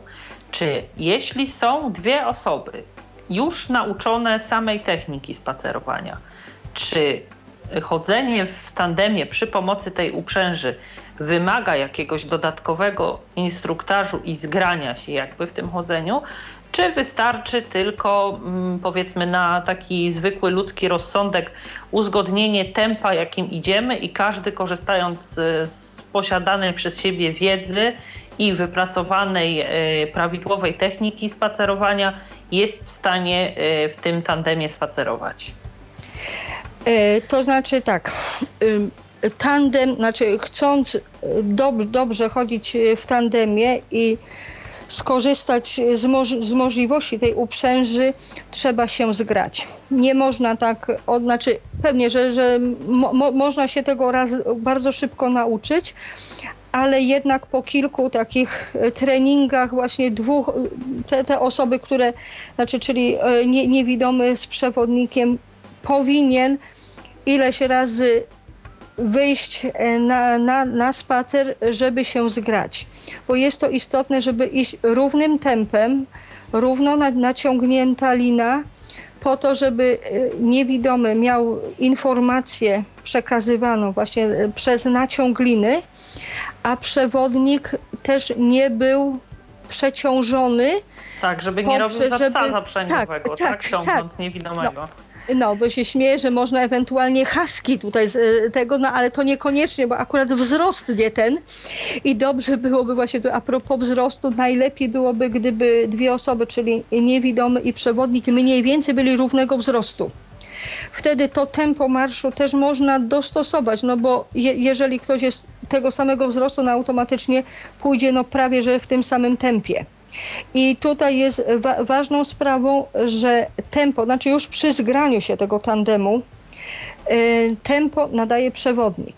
Bo w razie, gdy tempo jest za szybkie, to y, niewidomy może, może przyhamować, czyli na, na przykład stawiając opór, y, przewodnik odczuje właśnie to, ten na, mocniejszy naciąg liny i albo się zatrzyma, albo po prostu to tempo zwolni, bo podczas marszu możemy rozmawiać. No wi wiadomo, że jest y, głos idzie y, do przodu, więc także przewodnik chcąc mówić do, do niewidomego, y, normalnie powinien się odwrócić, ale przy każdym ruchu w bok czy odwróceniu się automatycznie no, troszeczkę my, myli Y, kierunek y, osobie niewidomej. Więc także jeżeli rozmawiamy podczas mm, tego marszu, to przewodnik no, musi troszeczkę głośniej jak gdyby mówić, żeby niewidomy po prostu no, słyszał. Bo po prostu mówię, no, głos idzie do przodu, czyli przewodnik będzie, będzie doskonale słyszał na przykład osobę, która idzie za, a w drugą stronę no może troszeczkę być gorzej. Ale co do zgrania, no niestety to wymaga trochę, trochę, trochę treningu, żeby żeby osiągnąć y, no po prostu to, to, to zgranie w parach. A proszę mi powiedzieć, jaki jest e, mniej więcej e, koszt i zaraz zapytam Panią o numery telefonu, czy też o miejsca, gdzie można zyskać więcej informacji lub też o dane, pod którymi mo można się kontaktować, aby taką uprząż nabyć. Już podaję. Mamy w tej chwili mamy, są dwa rodzaje uprzęży. Jedna tak zwana miękka i druga sztywna. To znaczy tą, tą sztywną, co prawda jest droższa, bo po prostu e, produkty, które są, są potrzebne, no, no niestety są, są droższe niż tego. E, na pewno jest do zastosowania ta, ta właśnie sztywna, sztywna, sztywna, znaczy sztywniejsza lina jest stosowana właśnie do wyjazdu w góry, kiedy musi być lepsze no, odczuwanie Y, przez niewidomego i przewodnika ta, ta informacja, jakie mamy podłoże. I ta kosztuje brutto 180 zł.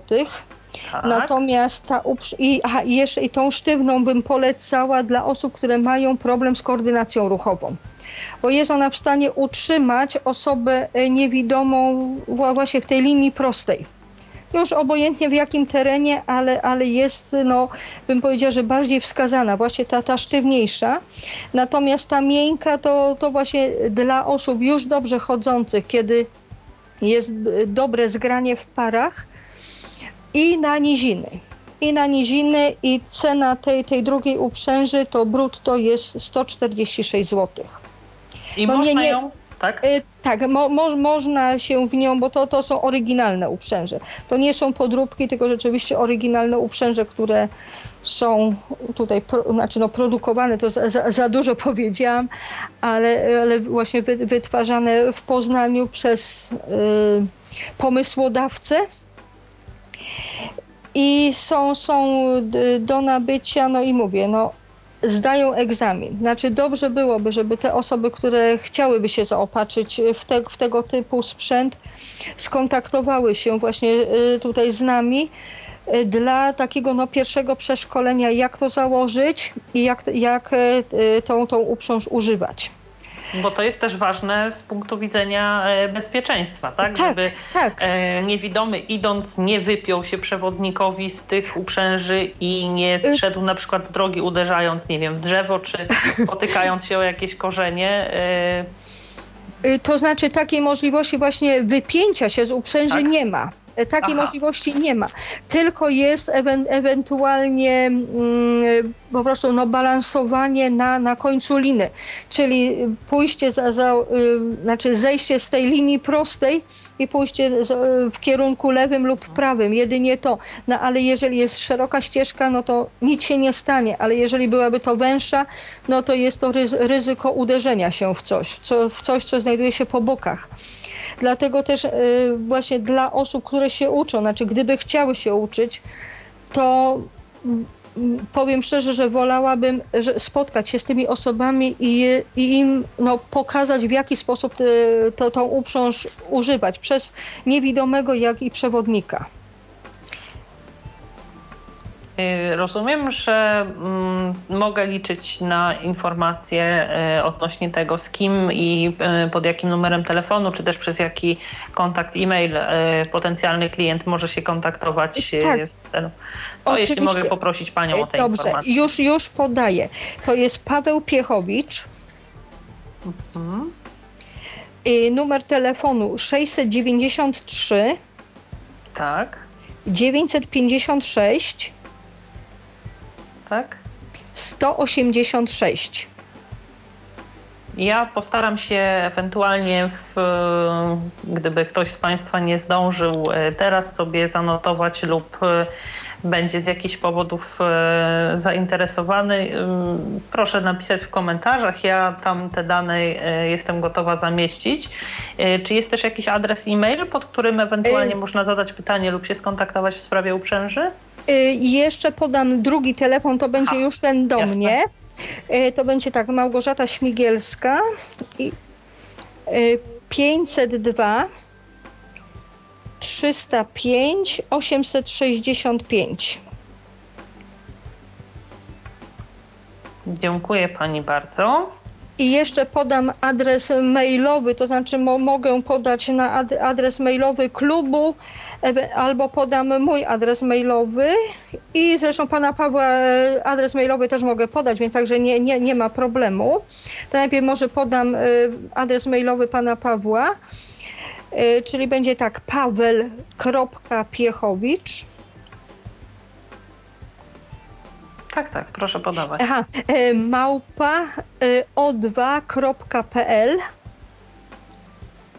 paweł.piechowicz małpa o2.pl e, e, ten adres mailowy klubu, czyli razem na szlaku, pis, pisane razem, e, tak. małpa interia.pl pisane razem, razem na szlaku małpa interia.pl Tak. I jeszcze jeden adres mailowy do mnie, to będzie czarny staw pisany razem, tak jak ten czarny staw pod rysami. I dwójeczka arabska. I tak. mał, małpa interia.pl Pisane razem, czarny staw, dwójka mhm. arabska. Mhm. Małpa interia.pl. Tak? tak. Dobrze, Także... czyli wszystkie dane już y, tutaj y, mają Państwo do dyspozycji y, i wszelkie pytania związane z czy to zakupem uprzęży, czy też ewentualnie z formami instruktażu prowadzonymi przez instruktarzy prowadzonych przez Państwa klub można pod tymi numerami telefonu i pod tymi adresami e-mail osiągnąć, prawda? Tak, tak, tak. Także jak, jak najbardziej, jeżeli, jeżeli kto, ktoś jest zainter- będą osoby zainteresowane, to jak, najbardziej można zadzwonić, czy, czy właśnie zapytanie na, na, na któryś z tych adresów mailowych, więc także na, na tyle, na ile będziemy mogli informacji udzielić, to na, na pewno to, to zrobimy.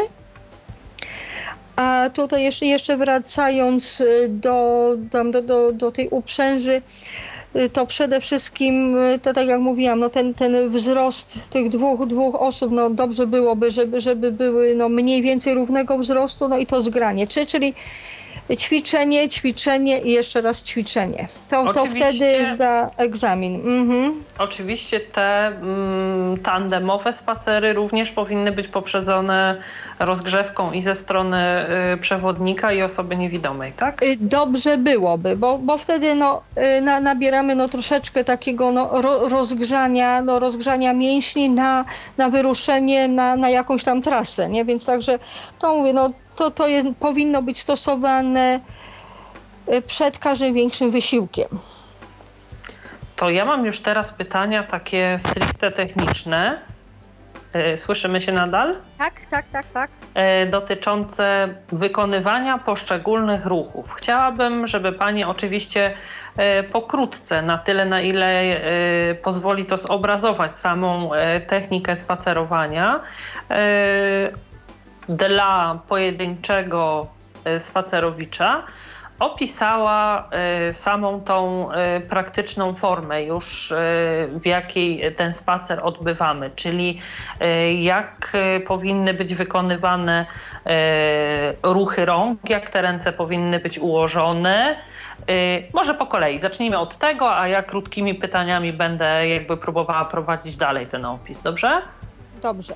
Przede wszystkim y, stopy powinny mieć y, ciągły kontakt z podłożem, czyli nie odrywanie stóp, to znaczy przemieszczanie się takim kocim ruchem, bym to tak nazwała. Czyli za każdym razem powinno być to dotknięcie podłoża, żeby nie odrywać całej stopy od podłoża i najlepiej rozpoczynać stawianie stopy od pięty poprzez śródstopie do mocnego takiego odepchnięcia z palców. Tak, żeby ten ruch był no, naprawdę taki odczuwalny i palce stóp powinno się jak, jak gdyby tak zadrzeć do góry w celu pobudzenia goleni, czyli żeby te mięśnie e, partii dolnych były no naprawdę w ruchu, żeby ten spacer na, nabierał jakiejś takiej intensywności. To, to jest ta, ta część od strony, jak to się mówi, od, od, idąc od dołu.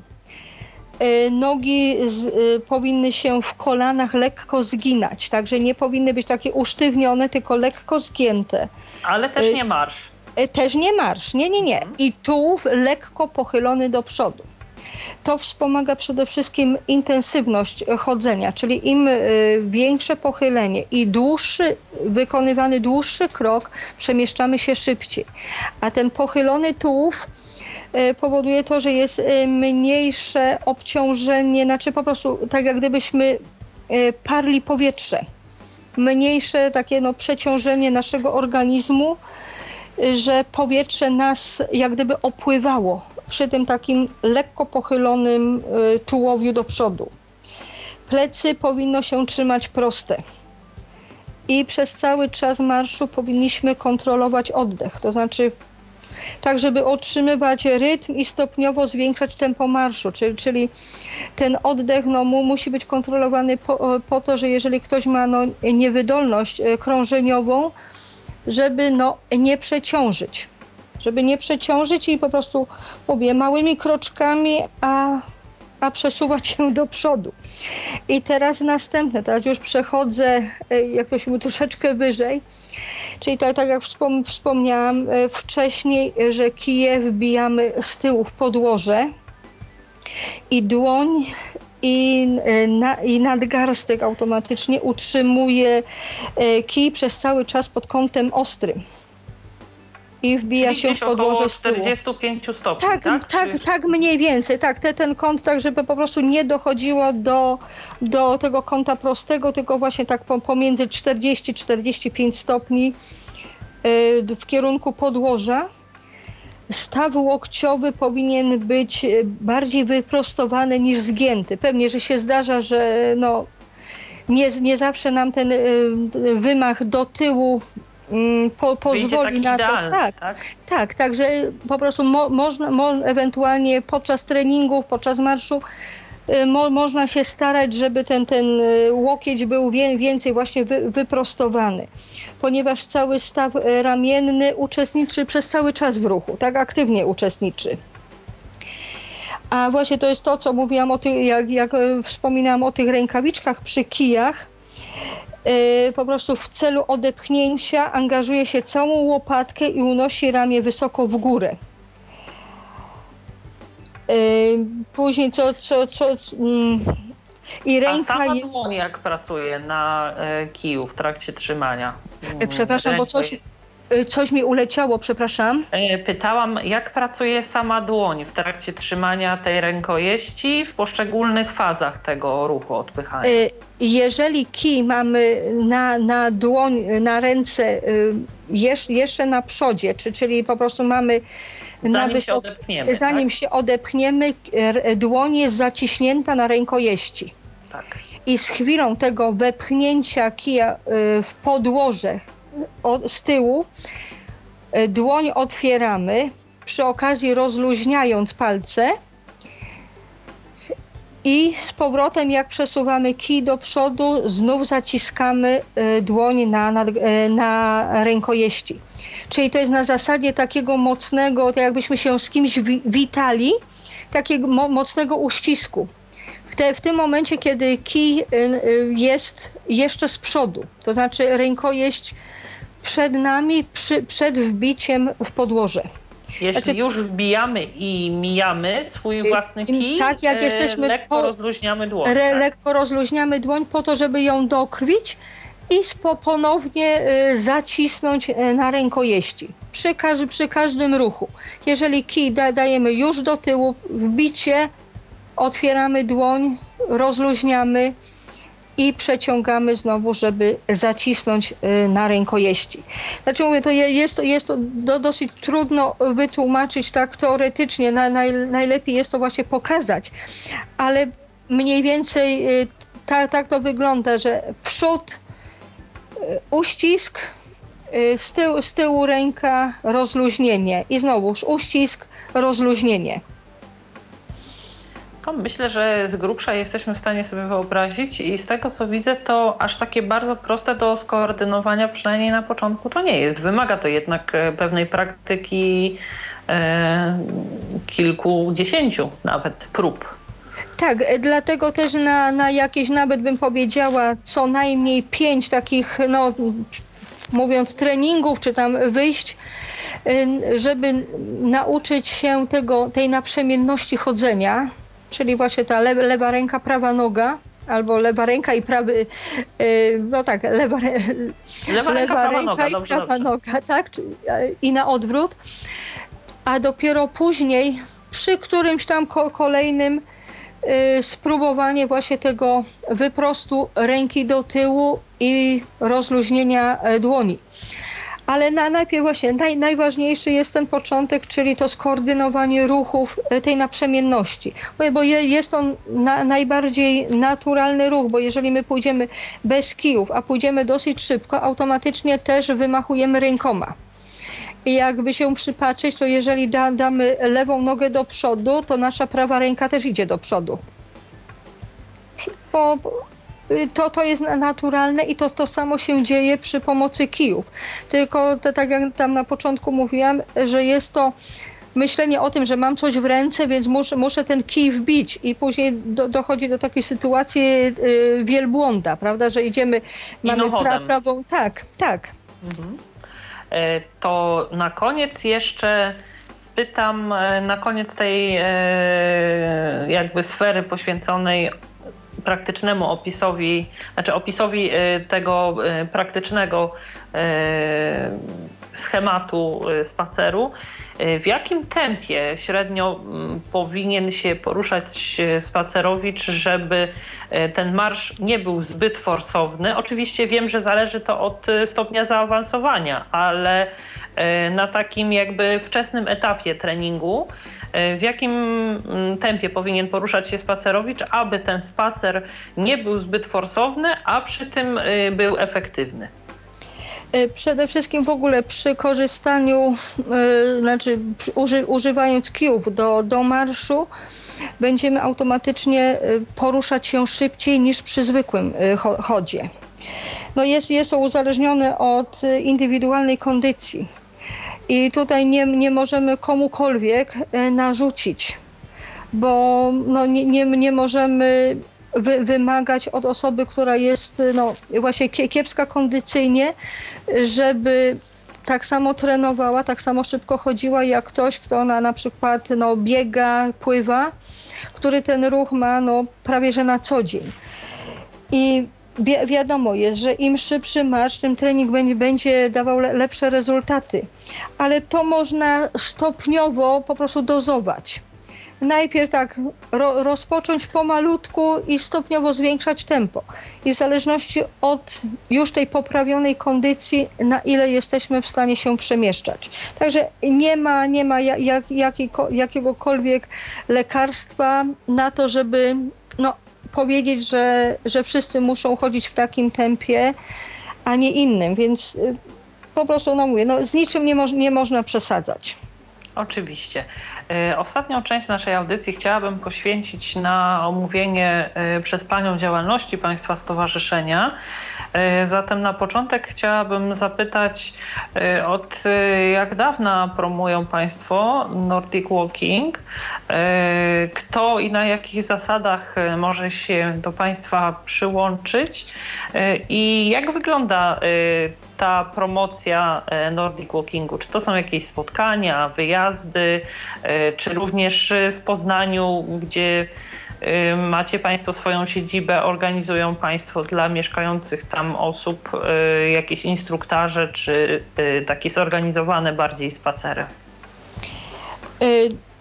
Znaczy, jeżeli, jeżeli chodzi o, o Nordic Walking, to wprowadziliśmy to od 2008 roku. To zupełnie tak przez przypadek, bo byliśmy na turnusie e, w Szczawnicy Zdroju.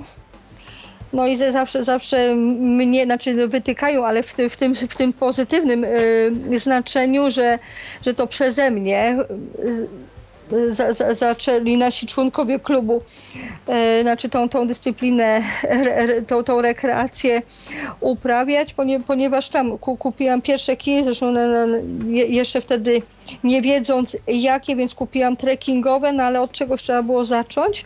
No i tak spróbowaliśmy, także ten 2000, no gdzieś październik 2008 rok zapoczątkował y, powstanie później sekcji Nordic Walking w naszym klubie. I no, jakoś tak idzie to do przodu. No jesteśmy w ogóle stowarzyszeniem integracyjnym i klub y, działa w ogóle od, od 1998 roku i do naszego klubu mogą zapisać, znaczy może zapisać się każdy. To znaczy w przewadze mamy osoby z dysfunkcją wzroku, ale są, są również osoby z innymi dysfunkcjami, osoby pełnosprawne, więc także no, jak najbardziej jesteśmy takim stowarzyszeniem integracyjnym.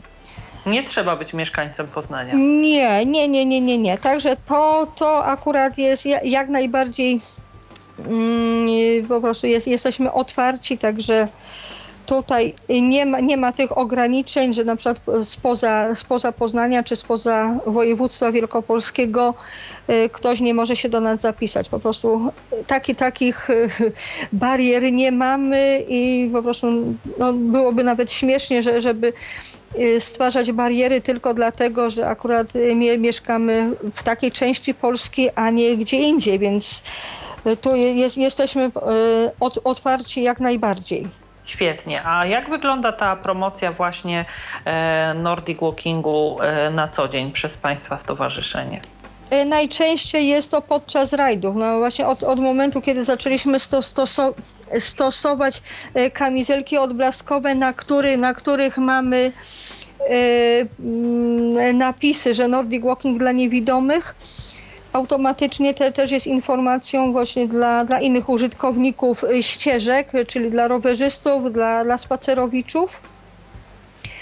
Organizujemy, y, czy, czy tam na, na tych wyjazdach, na, znaczy rajdy, czy turnusy, które organizujemy po, poza województwem wielkopolskim jak również e, spotkania e, czy, czy konferencje, które są na przykład organizowane przez instruktorów Nordic Walking, e, które są najczęściej dla osób pełnosprawnych. Mieliśmy okazję już być na takiej kon konwencji instruktorów i entuzjastów Nordic Walking we Wrocławiu, gdzie przedstawialiśmy tą właśnie tą nową formę rekreacji dla osób niewidomych jakieś konferencje, szkolenia dla, dla studentów AWF-u, czy szkolenia dla instruktorów, to po prostu no, staramy się robić. No i właśnie najwię, najwię, najwięcej promoc, promocja jest wtedy, kiedy jesteśmy gdzieś na wyjeździe i dzięki właśnie tym, tym naszym no, dosyć śmiesznym może ubrankom, czyli y, y żółte odblaskowe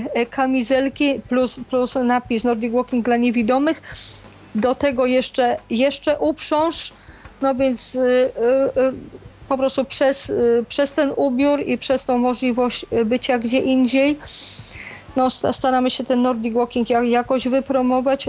Często się zdarza, że na, na trasach turystycznych natrafiamy na osoby, które z zaciekawieniem, czasami no, trochę z takim uśmieszkiem, ale często no, z takim zrozumieniem no, i z podziwem, że osoby nie, niewidome mogą też w takich sam, na, na tych samych zasadach y, ko, korzystać y, z walorów właśnie tej formy rekreacji.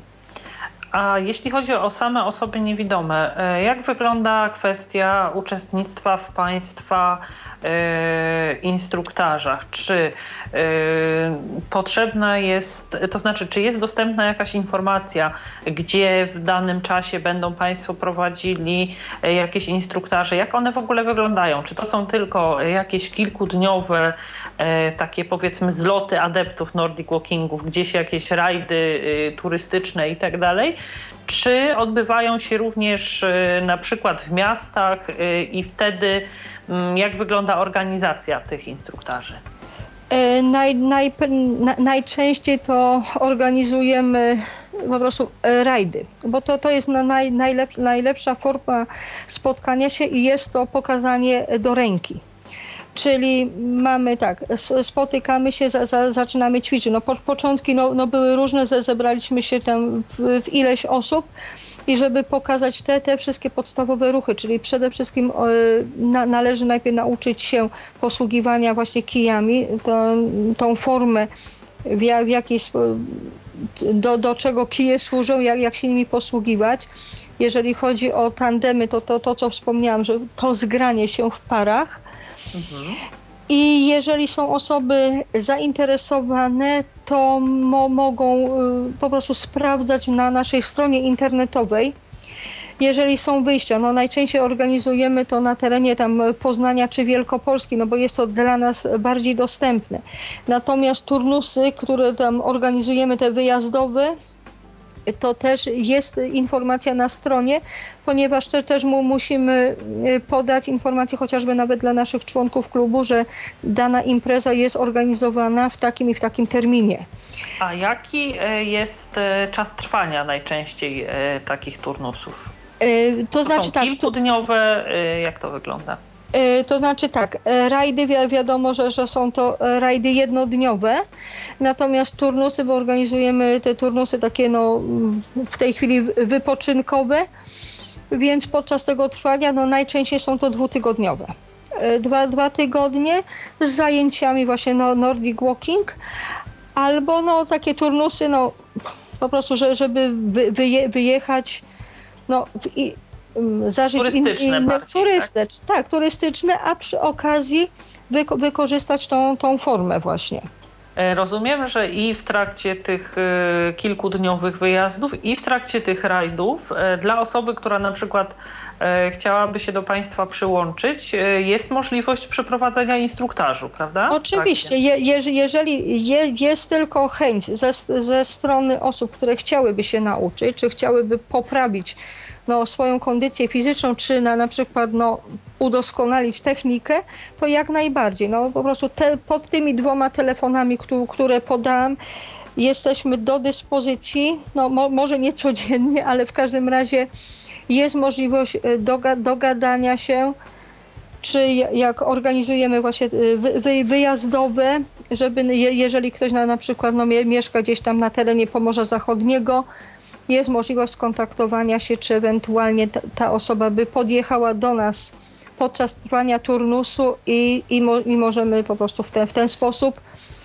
pomóc i no, przeszkolić. Także Rozumiem. Tu, mhm to myślę, że y, na koniec poproszę Panią o takie mm, jakby bardziej osobiste spostrzeżenia i refleksje. Y, jak Pani zdaniem y, osoby niewidome radzą sobie z trenowaniem Nordic Walking? Pewnie to jest też kwestia indywidualna, ale w takim ogólnym oglądzie, co stanowi dla nich największą trudność w opanowaniu tej sztuki i późniejszym już kontynuowaniu samodzielnych treningów? I e, ostatnie, o co e, chciałabym jeszcze zapytać, to e, dlaczego akurat tą formę rekreacji polecałaby Pani do trenowania mm, osobom niewidomym? Największym w sumie problemem, jeżeli chodzi tutaj o trenowanie Nordic Walking, jest przełamanie tej bariery psychologicznej. To znaczy jedno jest to, że wyjście e, na zewnątrz, odrzucenie, znaczy no, na jakiś moment odrzucenie e, białej laski i wzięcie czegoś innego do rąk, czyli tych dwóch kijów. Czyli to jest to, to co tam, co wspomniałam na, na początku. Czyli no, po prostu zmiana kierunku poruszania, posługiwania się przyrządami. To, je, to jest jedno.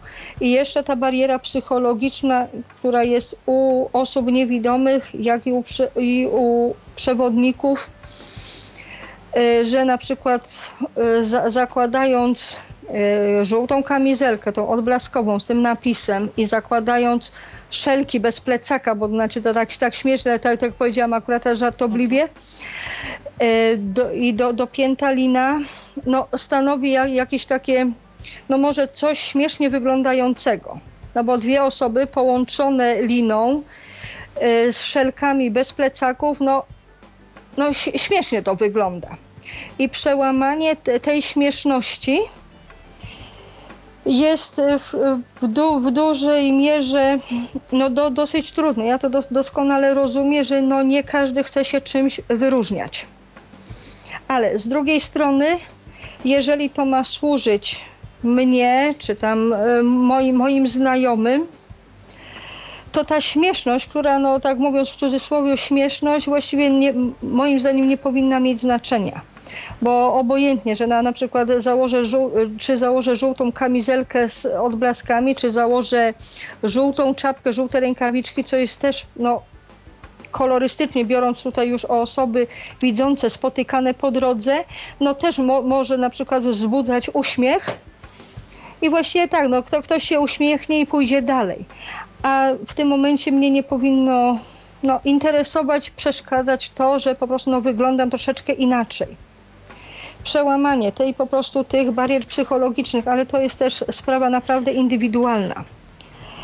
Co jeszcze? No właśnie to zgranie się w parach, jeżeli chodzi o tandemy, no to też jest jakąś tam no, trudnością. I jeszcze jedna trudność, taka znalezienie właśnie osób y, pełnosprawnych, które chciałyby służyć swoją pomocą przy właśnie no, trenowaniu Nordic Walking z niewidomymi i by, bycia dla nich przewodnikami. No bo bez przewodników, mówię, no mo, można to zrobić. Kiedyś z, z, zorganizowaliśmy takie wyjście oczywiście na terenie płaskim, kiedy y, na jednego przewodnika przypadły dwie osoby niewidome, podpięte właśnie na linach. Mówię, można to zrobić na wolnym terenie, no, w lesie, na plaży, ale no, zawsze jest to ryzyko, że ta osoba druga podpięta może balansować, tak, jeżeli nie będzie miała wyrównanej liny. Więc to jest takie, no, najlepiej byłoby, gdyby ten tandem był jeden na jeden. To wtedy jest zapewnione to bezpieczeństwo. Rozumiem. Ale, ale tak, tak jeżeli, jeżeli, chodzi o te ćwiczenia, to co tutaj mm, mamy, są, są prowadzone zajęcia, no właśnie obojętnie, czy tam na, na rajdach, na turnusach, to niewidomi całkiem dobrze sobie radzą e, z tą koordynacją. Jeżeli, jeżeli zgrają się i, i, w bezpieczny sposób będą się po prostu no, przemieszczać, to nie, nie, nie ma problemu. Nie ma problemu, tylko no, przełamanie tych takich no, nawet stereotypów. Rozumiem. Y, to jeszcze mm, w takim razie, y, w czym Pani zdaniem tkwi y, ta wartość dla osób niewidomych uprawiania akurat Nordic Walkingu, a nie jakichś, znaczy w stosunku do innych form rekreacji możliwych dla nich do, również do trenowania? Przede wszystkim jest, tak jak na początku też mówiłam, że jest dla każdego w każdym wieku i w każdym terenie i o każdej porze roku. To, to jest jedno. Wspomaga właśnie tą koordynację ruchową. Właśnie chociażby na nawet same ćwiczenia takie rozgrzewkowe też mogą w jakimś stopniu tą koordynację ruchową podnieść. I przy zastosowaniu, jeżeli chodzi o osoby niewidome, przy zastosowaniu tej uprzęży, to też w jakim stopniu, mówię, po przełamaniu tych, tych barier, o których poprzednio mówiłam, też takie no, od, po, poczucie jak gdyby odrobiny swobody, ponieważ odrzucając tą białą laskę, zamieniając ją na te dwa kije, mogę no troszeczkę tak no, poczuć wiatr jak gdyby. Jasne, rozumiem. Y, w takim razie bardzo Pani dziękuję za tak szczegółowe informacje i wyczerpujące odpowiedzi y, na moje pytania. Y, bardzo dziękuję także, że zechciała Pani przyjąć zaproszenie do Babiego Lata i podzielić się z nami swoją niezwykle obszerną wiedzą.